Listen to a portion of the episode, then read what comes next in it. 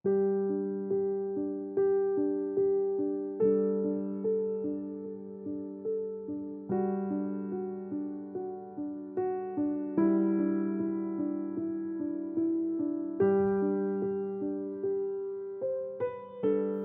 jemaat yang terkasih di dalam Tuhan Yesus Kristus. Penuntun saat teduh Sinode Gereja Kristen Jakarta. Hari ini Kamis 28 Desember 2023. Kristus yang membebaskan. Nas terambil dari Injil Lukas pasal yang keempat ayat 18 sampai 19. Roh Tuhan ada padaku oleh sebab ia telah mengurapi aku untuk menyampaikan kabar baik kepada orang-orang miskin, dan Ia telah mengutus aku untuk memberitakan pembebasan kepada orang-orang tawanan dan penglihatan bagi orang-orang buta, untuk membebaskan orang-orang yang tertindas, untuk memberitakan tahun rahmat Tuhan telah datang.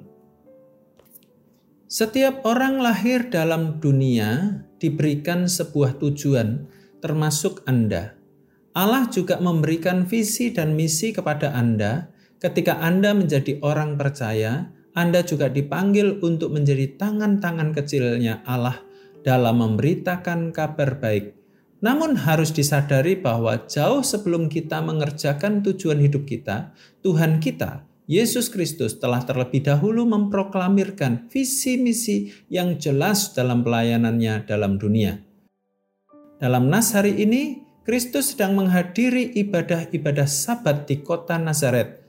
Sesuai dengan nubuatan Nabi Yesaya di masa lampau, tujuan kedatangan Mesias adalah mewartakan kabar baik Allah bagi manusia bahwa manusia dibebaskan dari belenggu dosa. Dalam momen itu, Kristus menyatakan tujuan kedatangannya dengan empat kabar baik. Kabar baik itu adalah dibebaskan dari kemiskinan, keterpenjaraan, kebutaan, maupun penindasan. Hal ini bukan berbicara mengenai hal yang bersifat material, namun bersifat spiritual, di mana dosa telah membuat seseorang miskin di hadapan Allah, buta akan rencana-rencana Allah bagi dunia, dan ditindas oleh banyak hal yang melawan Allah. Dosa memang membuat setiap orang miskin, terpenjara, buta, dan tertindas sehingga setiap manusia tidak dapat membebaskan diri sendiri. Manusia tidak dapat mencari jalan pintas sendiri, melakukan segala cara untuk keluar dari belenggu dosa.